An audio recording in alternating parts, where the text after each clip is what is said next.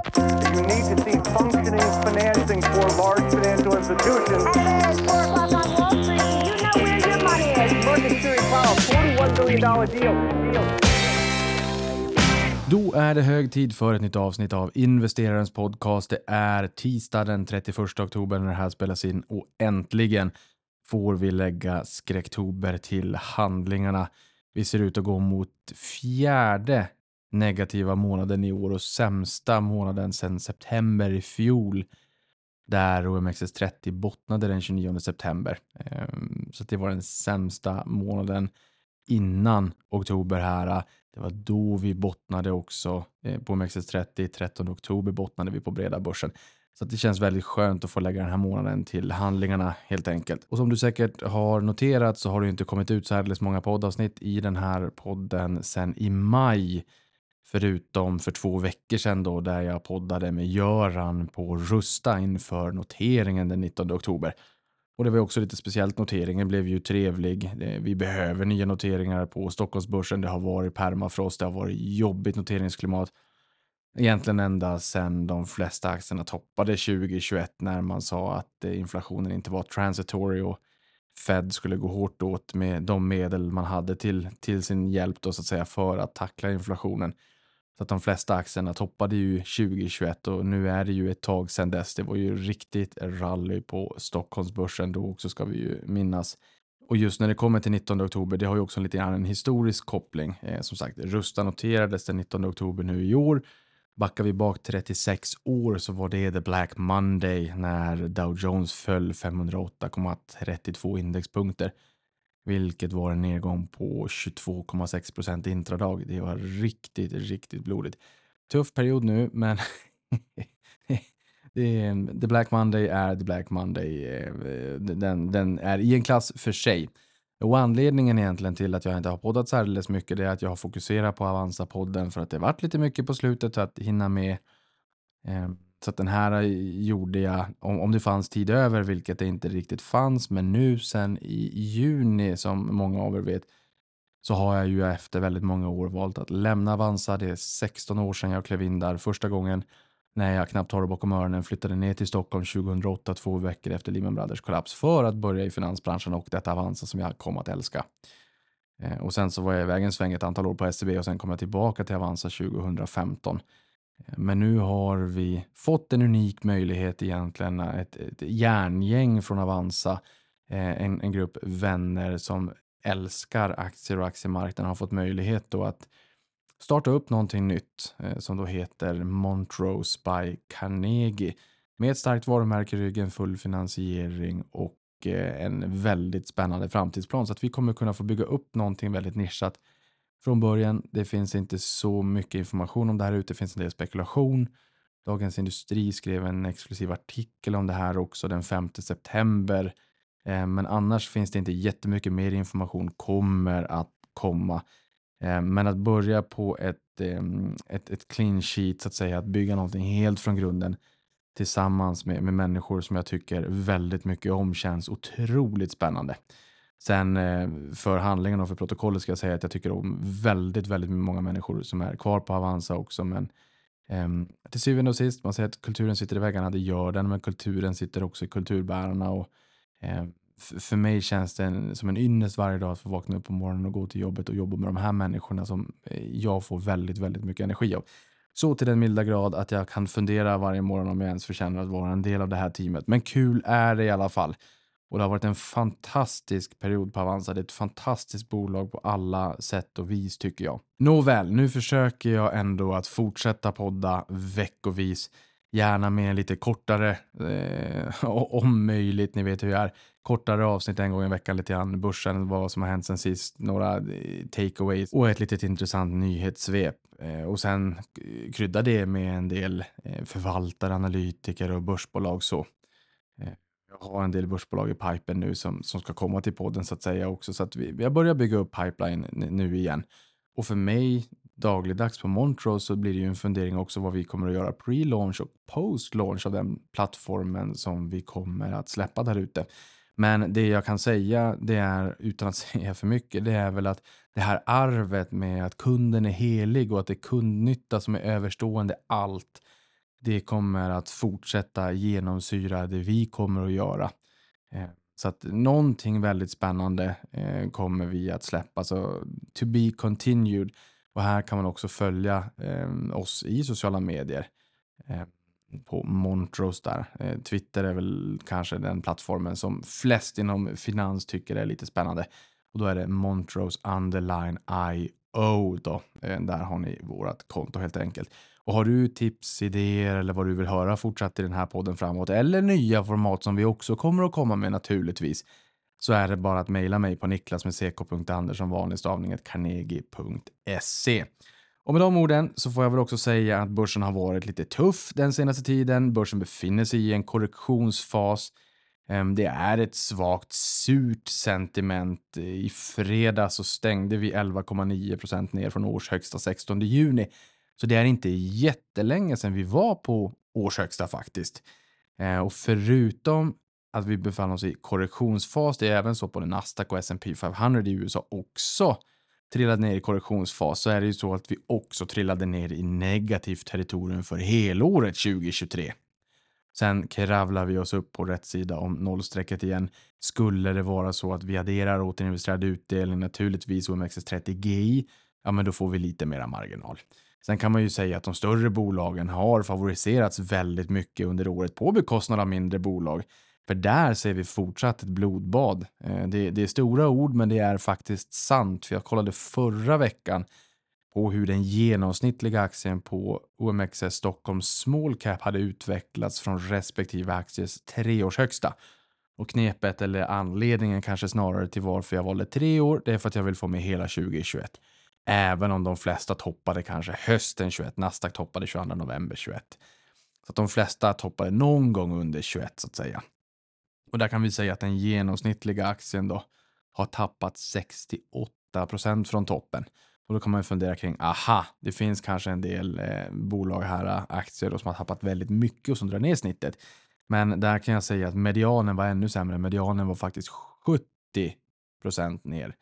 Så att det har varit ett riktigt blodbad. Jag, jag skulle vilja likställa det här med it-kraschen under millennieskiftet. Förutom att då var det storbolagen som stod för potäterna med eh, Ericsson som blytung vikt i index 48 procent och 1800 miljarder innan det begav sig neråt eh, till nästan ingenting kvar. Tre spänn aktien eller vad den då bottnade på från väldigt, väldigt höga nivåer. Eh, den här gången så har det varit småbolagen. Jag menar, vi har gått igenom ett historiskt skifte vi förmodligen aldrig kommer att se igen i den eh, digniteten som vi nu har sett de senaste åren. Man ska aldrig säga aldrig, men jag tror inte det. Därför vi har gått från negativt ränteklimat, noll ränteklimat, och här var Sverige först ut i världen med negativt ränteklimat, fram till att eh, gå in i 2022 med, med nollräntor för att idag ligga väldigt, väldigt mycket högre. Eh, och hastigheten i de här uppgångarna eh, tror jag aldrig vi har sett, inte ens i slutet på 70 början på 80-talet.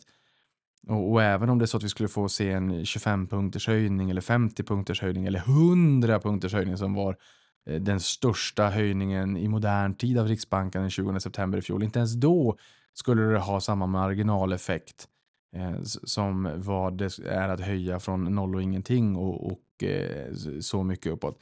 Marginaleffekt, det ordet ska man använda med en nypa salt. Det är klart att det är på marginalen kanske som eh, hushållen dukar under, men ni förstår vad jag menar. Effekten, den procentuella ökningen från dagens nivåer med en 100 punkters höjning som är en historisk hög höjning eh, och ligger inte Eh, på bordet, eh, vågar jag nästan säga. Här, här funderar man på, blir det en 25 punkters eller inte så att säga. Eh, men den tappar ju naturligtvis effekt i, i, och med att vi är betydligt mycket högre då än, än noll helt enkelt. Och när jag säger historisk hög höjning så vet jag att vi hade 500 procents eh, marginalränta eh, under fyra dagar också här, men det var en annan valutaregim. Så att med flytande växelkurs så är faktiskt 100 punkter den, den största höjningen.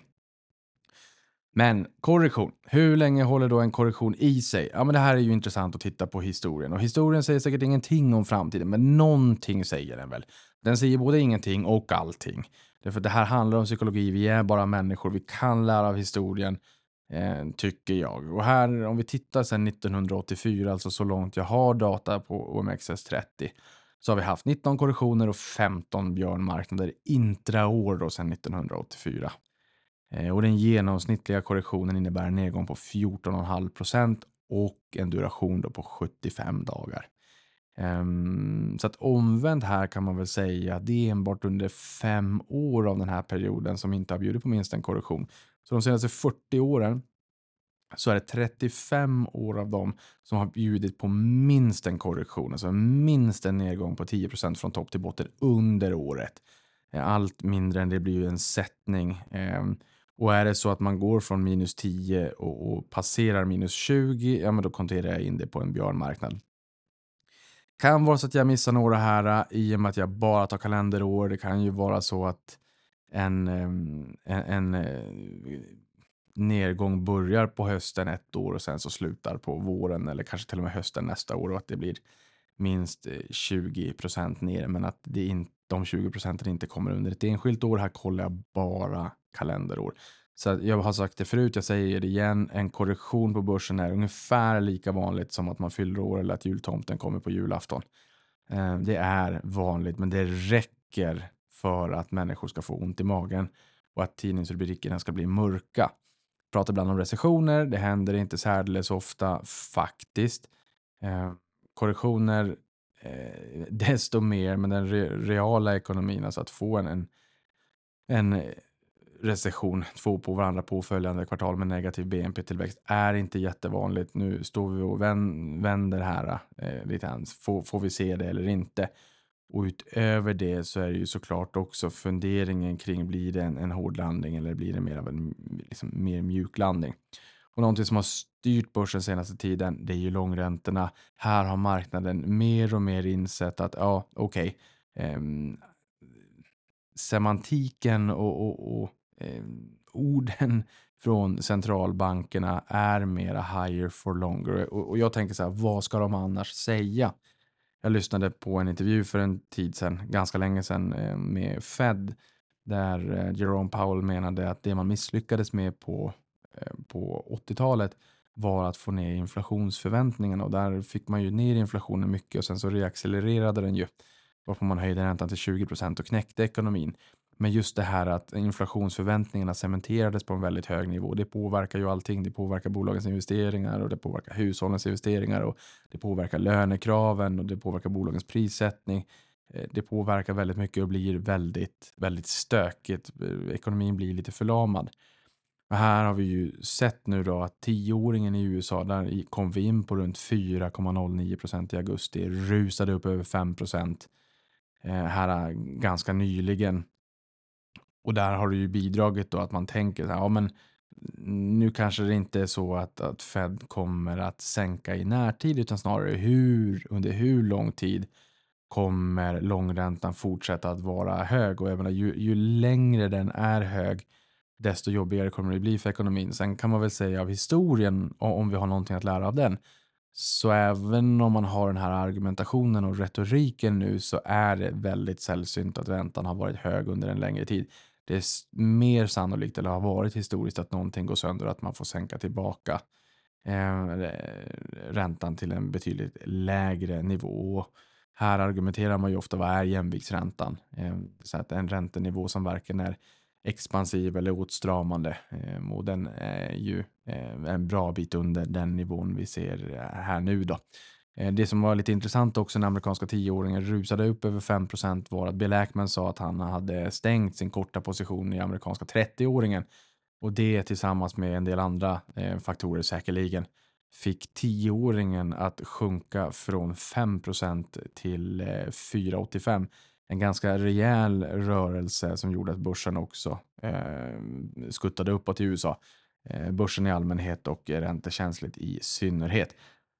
Sen såg vi också Europeiska centralbanken lämna styrräntan oförändrad på 4,5 procent under veckan. Eh, förra veckan då efter tio raka höjningar och det här trots att man ser risk på ovansidan från den geopolitiska oron i, Mellanöstern mellan Israel och Palestina.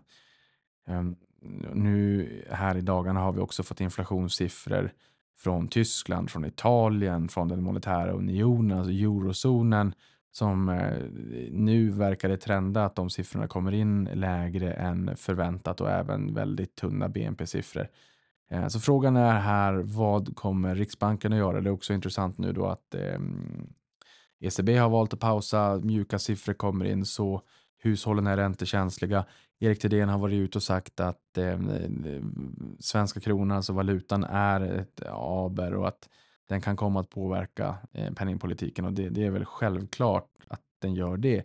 Men någonstans kanske vi också sitter i en rävsax med tanke på att utlänningarna, deras syn på Sverige är att hushållen är kraftigt skuldsatta, man har korta räntebindningar, det vill säga att man ofta har rörliga bolån, bolån även om räntenivåerna inte är lika höga som ett eh, blankolån exempelvis eller kreditkortsskuld eh, så är ju lånevolymerna väldigt mycket större så det är ju oftast den största eh, eh, största lånen, största räntekostnaderna i, i hushållen. Eh, och där har vi kort räntebindning. Det är ju jobbigt ifall räntan fortsätter att stiga för man kan ju justera KPIF hur mycket man vill. Men det är ju fortfarande en kostnad som hushållen möter och det är ju fortfarande någonting som gör att hushållen får det rejält mycket tuffare. Och dessutom fokuserar man väldigt mycket också på fastighetssektorn och menar på att eh, väldigt många fastighetsbolag är överskuldsatta. Eh, sen är det klart att den eh, våg av kriminalitet vi nu ser också påverkar Sverigebilden i väldigt stor utsträckning ska, ska tilläggas. Men eh, det blir liksom lite knepigt om det är så att man fortsätter höja räntan. Vi har en utbudsdriven inflation som mera beror på utbudsfaktorer än, än efterfrågefaktorer. Eh, många av hushållen går på knäna och fortsätter man att höja räntan, ja men det är klart att då blir det tuffare för hushållen, det blir tuffare för fastighetsbolagen och det kommer nog kunna, kunna göra att utlänningar får en ännu sämre syn på svenska marknaden just nu och därtill ska sägas att det också kan leda till att man kanske får en lite mörkare syn även på banksektorn, för nu har den varit väldigt robust får man, får man ändå säga. Men är det så att man fortsätter höja räntan eh, så att hushållen går än mer på knäna, fastighetssektorn går än mer på knäna, så kan man ju börja fundera på när letar det här in sig i, eh, i, i låneböckerna och kreditkvaliteten hos, eh, hos bankerna. Inte minst banker som har lite mera tilt till exempelvis eh, fastighetsutlåning. Så jag, vet, jag vet inte riktigt hur man ska tänka där. Det är väl eh, tur att det är smartare hjärnor än min som eh, jobbar med de här frågorna, men ändå intressant. Nåväl, som sagt, Rusta har noterats på Stockholmsbörsen och det är på tal om noteringsfronten där det har varit permafrost. Det var en lyckad flotation på börshavet. Aktien steg 6,6 procent som mest och lockade till sig 20 000 småsparare. I fredags förra veckan stängde den på 45 kronor och 80 öre, vilket var en 80-öring över noteringskursen om 45 kronor. Och på tal om noteringar så planerar även batteritillverkaren Northvolt en notering på Stockholmsbörsen i källor till Financial Times. Indikativ värdering uppgår till, enligt då samma källor, till omkring 219 miljarder kronor, alltså 20 miljarder dollar.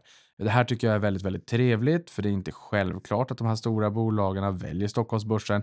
Det kanske är så att man får en mer rättvis värdering i, i exempelvis USA som är en mycket större kapitalmarknad, mycket större eh, strålkastare än vad Stockholmsbörsen är. Jag tycker att det är eh, all cred till dem ifall det är så att man väljer Stockholmsbörsen tycker jag.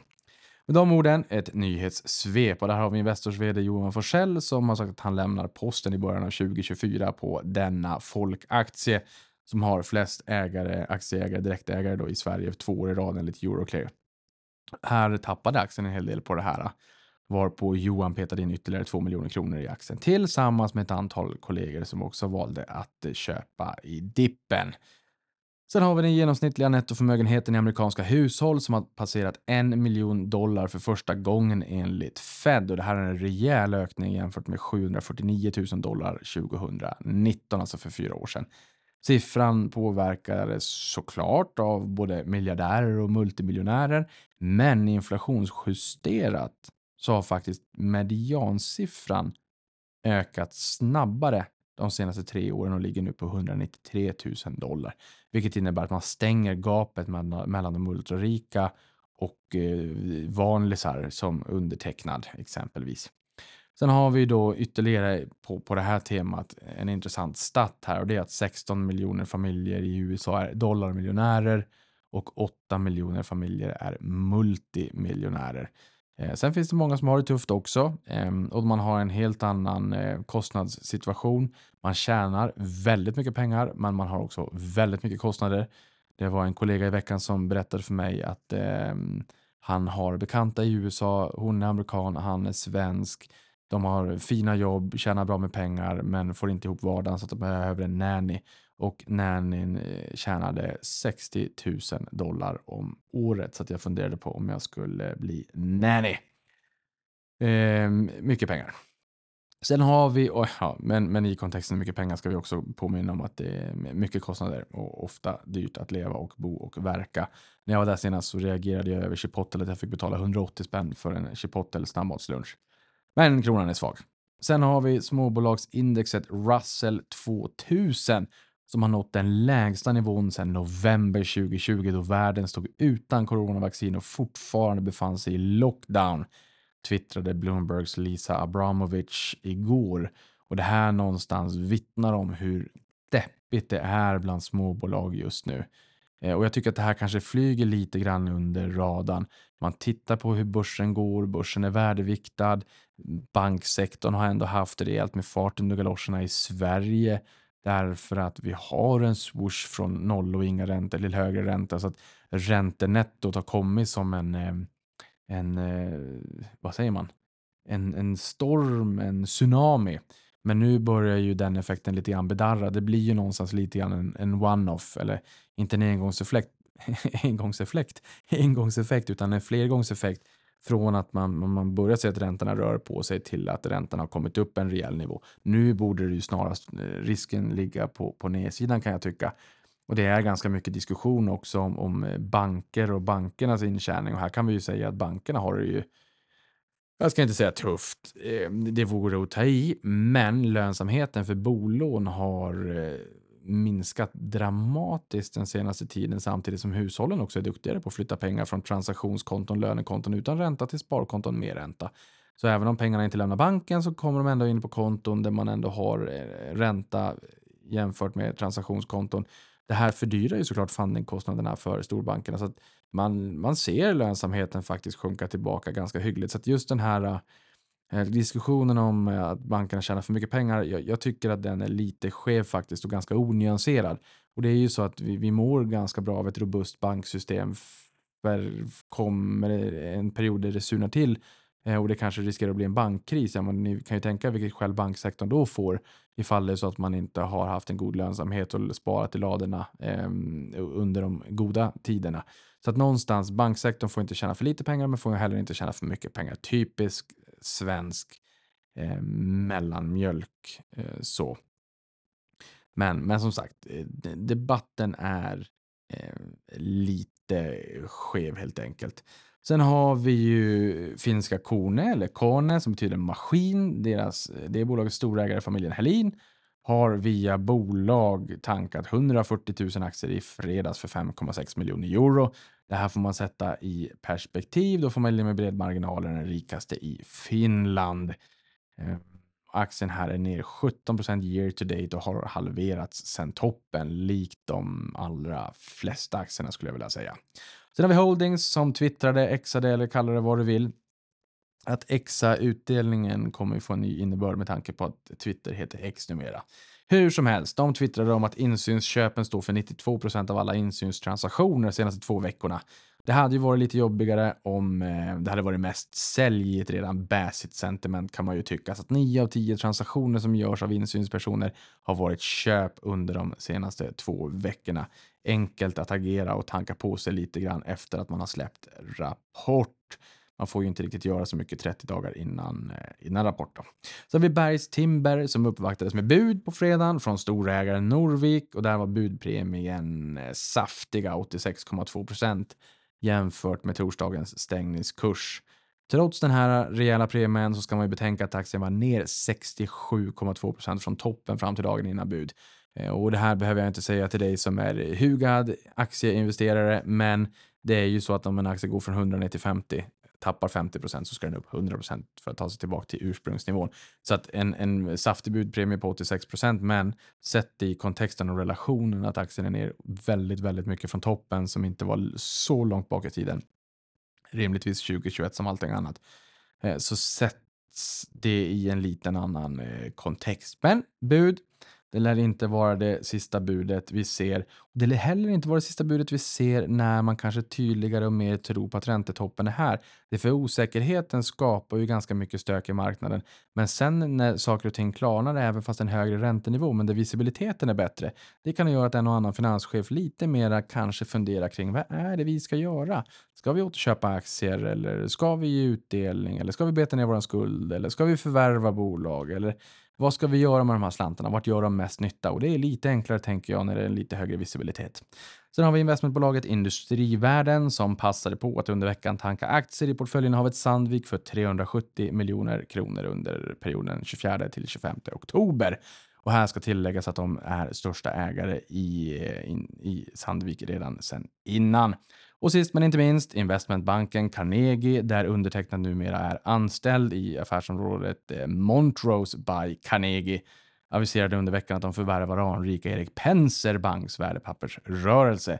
Samtidigt blir Erik Penser storägare i Carnegie och citat, det är trevligt att komma tillbaka, slutcitat, säger finanserräven som inledde sin karriär på Carnegie redan år 1969, samma år som människan satte foten på månen. Och med de orden, to the moon, som man sa under memestockhysterin. Ehm, jag nöjer mig med att säga avkastning på det. Jag hoppas att börsen eh, kan vara lite trevligare fram till att vi hörs nästa gång. Tack för mig. Stort tack för att du lyssnade på det här.